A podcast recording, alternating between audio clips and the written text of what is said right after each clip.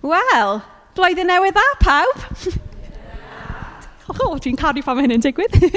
blwyddyn newydd dda, mae'n lyflu bod yn ôl gyda chi ar ôl cael seibiant bach ar ôl yn y dolyg. Um, lyflu bod yn ôl ar gyfer y blwyddyn newydd a'r tymor newydd. Um, gyda cyffro i weld beth mae Dew am wneud um, yn ein plith ni um, blwyddyn yma. So bore yma, dyn ni am cael ein ail neges um, yn edrych ar yr epiphany dechreuodd Arwel oethnos diwetha um, yn sôn am yr epiphany. Wnaethoch chi edrych ar y llun mawr o'r epiphany, yr ehangder o'r neges yn nadolig ar epiphany i bob math o berson o bob man.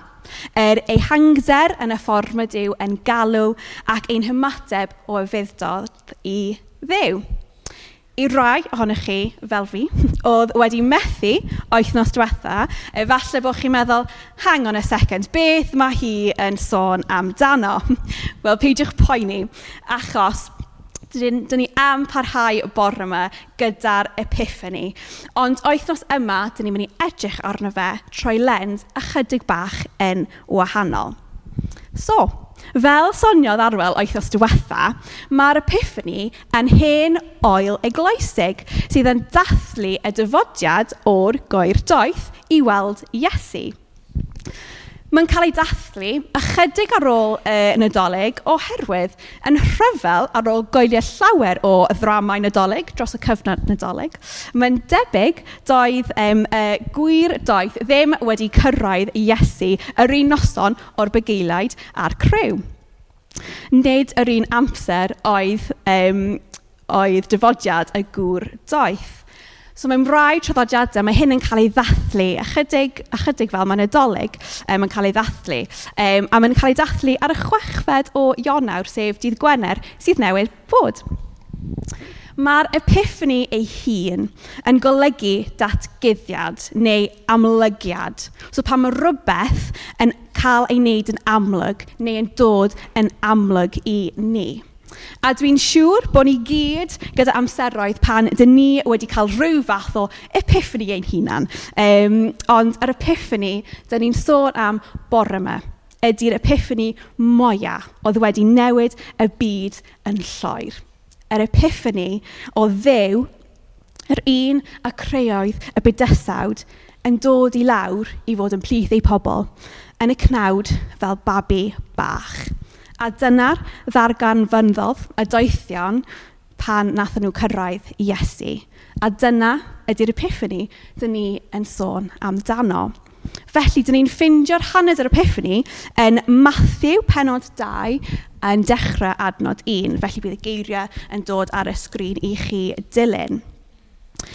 Cafodd Iesu ei eni yn Bethlehem, yn Juda, yn y cyfnod pan oedd Herod yn frenin. Ar ôl hynny, daeth gwir doeth o wledydd y doerain i Jerusalem i ofyn, ble mae'r un sydd newydd cael ei enni yn frenin yr yddewon? Gwelon ni seren yn codi yn y doerain, ydyn ni yma i dalu den, derngerdd iddo. Pan glywodd y brenin Herod hyn, roedd wedi cynhyrfu'n lan, roedd cynnyrff yn Jerusalem hefyd. Felly, galwodd Herod y prif effeiriaid a'r arbenigwyr yn y gyfraith iddewig i'w gyfarfod. Gofynodd iddyn nhw, ble mae'r Mesoea i fod i gael ei enni? Yn Bethlehem, Jiwda, medden nhw. Dyna ysgrifennodd y proffoed. Bethlehem, yn hir Jiwda, nid rhyw pentref diboes yn Jiwda o'i ti, achos ohono ti daw un i dirnasu, un fydd yn fugael i arwain fy mhobl Israel. Ar ôl cael gwybod hyn, dyma Herod yn galw'r gŵr doeth i gyfarfod preifat. Cafodd wybod gan nhw pryd yn union oedd y seren wedi ymddangos. Yna, dywedodd, Ewch i Bethlehem i chwilio am y plentyn, ac dewch i mi wybod pan ddewch o hyd iddo, er mwyn i mi gael ei dalu deyrnged iddo hefyd. Ar ôl gwrando beth oedd y brenin i'w ddweud, i ffyrdd â nhw. Dyma'r seren yn mynd o'i blaenau, nes iddyn nhw nes iddi aros uwch ben yr union fan lle roedd y plentyn gyda'i fam mair, a dyma nhw'n disgyn ar ei gliniau o'i flaen a'i addoli. Yna, dyma nhw'n agor eu paciau a rhoi anrhegion gwerthfawr iddo, air, ffys a myr. Rhybuddiodd Dew nhw mewn breiddoed i beidio mynd yn ôl at Herod. Felly, dyma'r gwrdoeth yn teithio yn ôl i'w gwlad ei hunan ar hyd ffordd wahanol. A bendith, e- bendith Dew ar ei air i ni bore yma. So, teithiau. Tybed beth sy'n dod mewn i'ch pen chi wrth clywed y gair yna? Efallai atgoffion o daith hir iawn sydd yn cymryd mwy o amser na gedylai gyda'r adleisiau bach yn gofyn "ydyn ni bron yna eto?" bob 5 munud. Ac er dych chi'n dangos eich rhwystredigaeth gyda'r cwestiwn yma y reality ydy bod chi'n gofyn yr un cwestiwn eich hunan. Neu efallai erth glywed y gair yna bore 'ma ma' meddyliau chi yn troi at yr amser rhyfedd yna ddim mor hir yn ôl yn ystod y cyfnod clo ble roedd teithio yn syniad anghyfarwydd, ble roedd y taith mwy ac y ffroes ni'n cael gwneud oedd i popio i Tesco, the supermarket available, um, i cael wneud y siop yr wythnos ac yn ôl. Ac er roedd ni yn mynd heibio llefydd lyflu ar y ffordd, doeddwn ni ddim cael stopio hyd yn oed i fynd am dro bach neis. Efallai, bod chi'n meddwl yn agosach i deithio ar ôl dros y Nadolig i weld teulu neu ffrindiau, um, neu cael winter break neu goeliau. Dwi fy hun wedi bod mewn car am 8 awr um, dros y uh, um, cyfnod yn adolyg yn teithio nôl i'r de i cael doleg gyda teulu a wedyn nôl i fyny. Ond er bod pawb gyda profiadau gwahanol um, o deithio, gyda pob taith, mae yna fan dechrau a wedi wedyn cyrchfan. Dyna ni gorfod dechrau rhywle a wedyn symud mewn rhyw fath o gyfeiriad er mwyn cyrraedd y cyrchfan. Mae rhaid i ni ystyried pam ydyn ni'n gwneud y taith. Be ydyn ni eisiau cael allan ohono fe ar hyd y ffordd. Er bod teithiau fel arfer yn golygu yn llythrenol symud corfforol, dydyn nhw ddim gwastad. Oherwydd, dyn ni hefyd yn gallu mynd ar be sy'n cael ei alw yn daith ysbrydol. Sef yn syml iawn sut dan ni yn galw ein ffydd ni fel taith. Sut dyn ni'n mynd ar taith yn ein ffydd. Ac yn yr hanes ni newydd clywed, dydy e ddim yn gwneud llawer am dweud llawer am y doethion ei hunan. Ond mae'n dweud digon i ni cael rhyw fath o syniad am boi oedden nhw. Yr enw sy'n cael ei roi iddyn nhw ydy gŵr doeth neu doethion sy'n rhoi'r syniad i ni ei bod nhw'n pobl, surprise, surprise, doeth, um, galluog.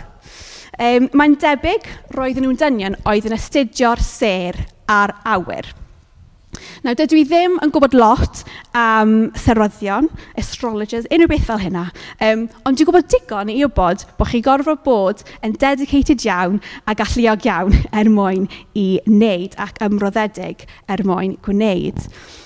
Dyn ni hefyd yn gwybod o le daethon nhw. Mae'n dweud ar ôl hynny, daeth gŵr doeth o ledydd y doerain i Jerusalem.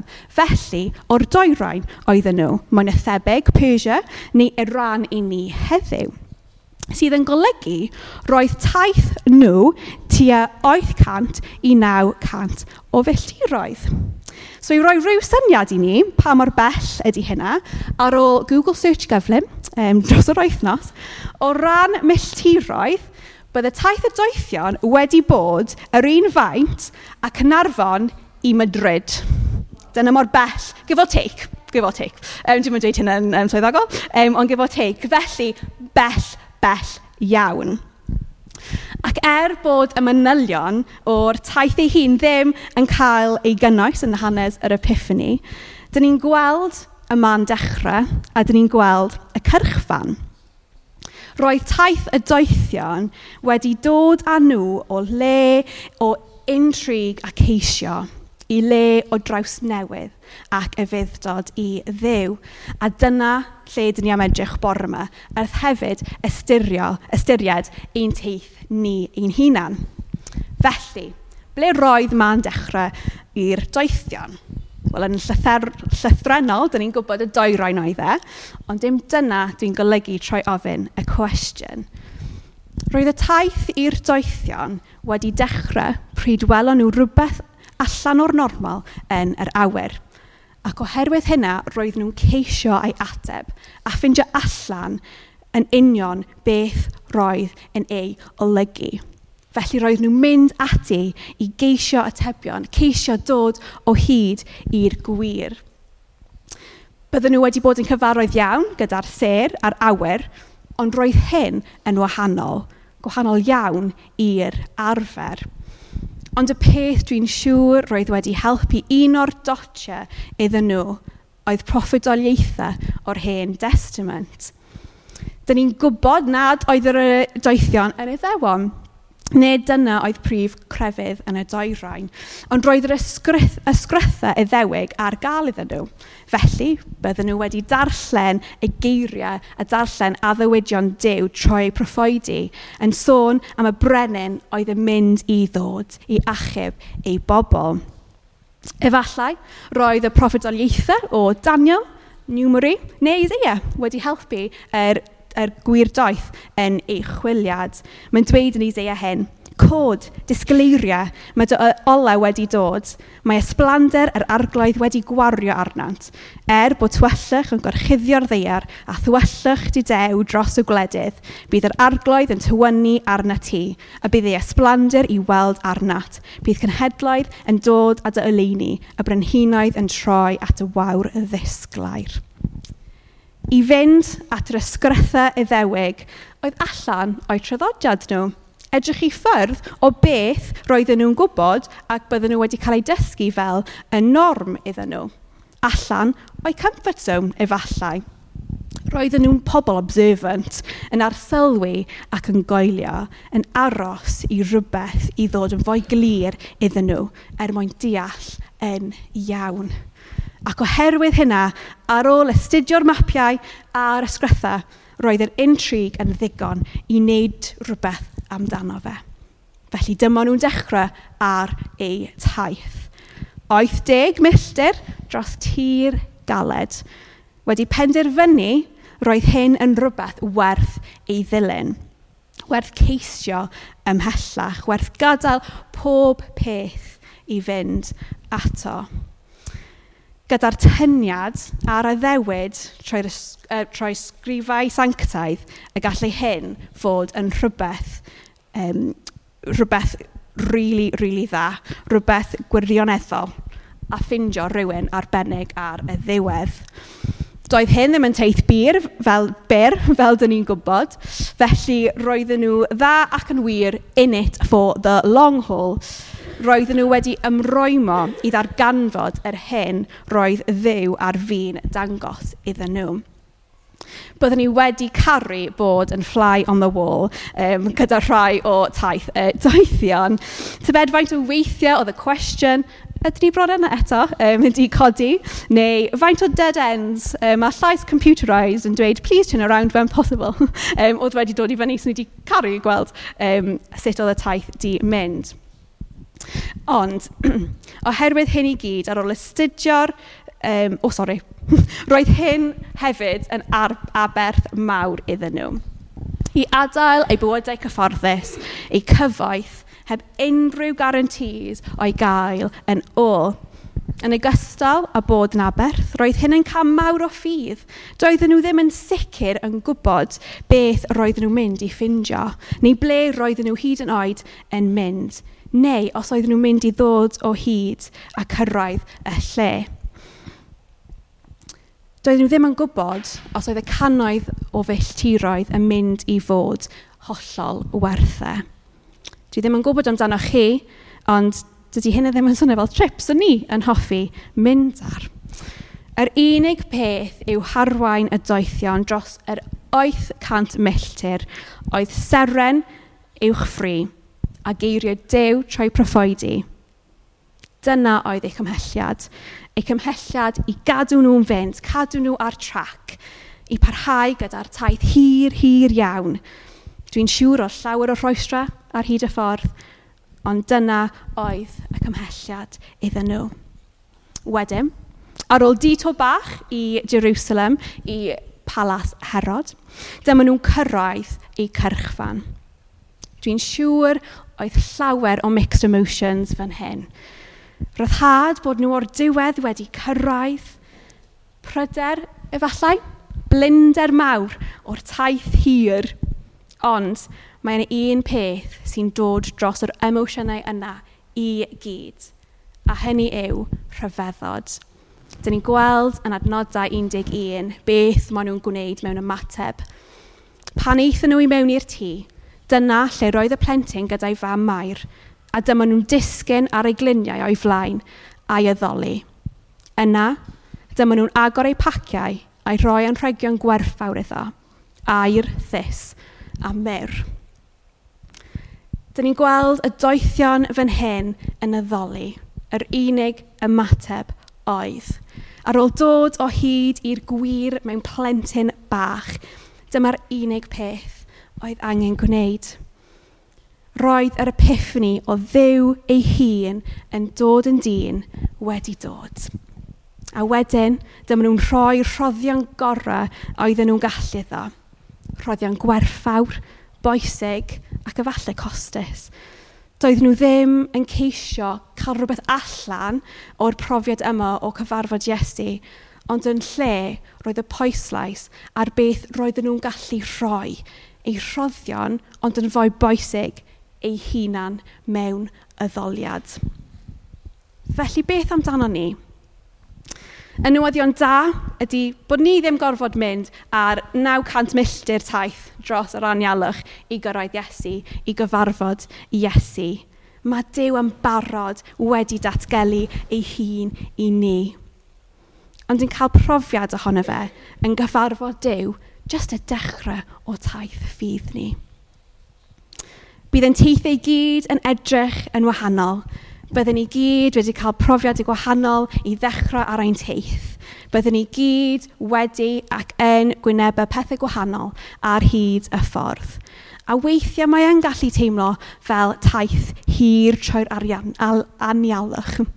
Ond, bore yma, dwi eisiau annog ni i fod mwy fel y doethion. Ydyn ni'n pobl sydd yn ceisio fel y doethion yn ceisio'r gwir ac yn ceisio Duw yn pob peth, pob dydd. Dyn ni'n gwybod mae Iesu ydy'r gwir sy'n rhoi bywyd i ni. Mae Iowan 14.6 yn dweud, fi ydy'r ffordd, y tebodd Iesu, yr un gwir a'r bywyd. Felly ydyn ni'n pobl sydd yn ceisio i gyfarfod Dyw pob dydd ac i weld ar waith yn ein bywydau ni ac yn bywydau pobl eraill i'n trawsffurfio ni yn parhas i'r gorau. I ni sydd wedi dechrau ar y taith, mae hyn yn wahoddiad i geisio ddew yn ddyfnach. I rai sydd heb, alla heb ddechrau ar y taith eto, mae hyn yn wahoddiad i wir ceisio a chyffarfod dew am y tro gyntaf. Un lle, lle da i ddechrau, ydy fel y doethion, troi ei air yn cael ein selio ar y gair ac addewidion Dyw a pwy ydy Dyw. Wedyn, ydyn ni'n pobl sydd yn fodlon i ddilyn ddew, beth bynnag mae hynna yn edrych fel. Er y rhoestra ar y ffordd, yn hapus i gamu allan a dilyn mewn ffydd. Dilyn dew ble bynnag mae'n arwain, yn ymroddedig i'r taith, gyda'r cymhelliad o nabod dew ymhellach. Fodlon ni adael rhoi pethau tu ôl i ni fel y doethion er mwyn ei ddilyn go iawn. Ar ben ein hunan, dyn ni yn gallu cael ein distractio dydan. Tynnu ein sylw off y serynau sydd yn arwain, off track fel petai. Ond mae Dyw wastad yn barod i roi ni nôl ar track i atgoffa ni o'r cymhelliad a'r gwahoddiad a pham dyn ni yn gwneud. Mae'r adnod Owen, o, Owen, Iowan, um, nath ni clywed, yn gorffen trwy dweud hyn. Does neb yn gallu dod i berthynas gyda Dyw y Tad ond trwy fi. Os ydych chi wedi dod i fy nabod i, byddwch yn nabod fy nhad hefyd. Yn wir, dych chi'n ei nabod e yn bellach ac wedi ei weld. Ac wedyn, ydyn ni'n pobl sydd wir yn addoli, wir yn addolwyr. Dim oherwydd beth dyn ni yn gallu cael allan ohono fe ni, beth mae Dyw necessarily yn gallu gwneud i ni, ond yn rhoi yn gorau iddo yw anrhydeddu fe, fel oedd Arwel di sôn am, yn gynt, oherwydd beth mae wedi gwneud yn barod i ni. Yn rhoi'r gorau o'n amser, emotion, adnodau iddo, oherwydd ei gariad tuag ato ni a'r trawsffurfiad mae wedi gwneud yn ein bywydau trwy anfon ei fab i'r byd i'n hachub ni. Ydyn ni'n llawn rhyfeddod fel y doethion. Mae'r pennill olaf um, y carol canol gaeaf noethlym yn dweud hyn ac yn dweud yn dda iawn. Pe bawn un o'r doethion gwnawn fy rhan di goll, ond pa beth a rhoddaf fy mywyd oll. A dyna di gwir y ddoliad dod a rhoi ein gorau i Iesu. Dim ot pa mor fawr, neu hyd yn oed pa mor fach, yn dod at Iesu gyda'n gorau. Mae'r pethau yma yn gallu bod yn anodd. Dwi'n gwybod yn edrych ar fi fy hun, dwi wedi methu sawl gwaith. Ond mae'n newyddion anhygoel, a dyna di'n newyddion hygoel yn adolyg ar Epiphany. Chi'n cofio Esther yr Epiphany? Datgyddiad amlygiad. Dew yn datgelu ei hun trwy fab i Iesu Grist fel babi bach ar y ddear.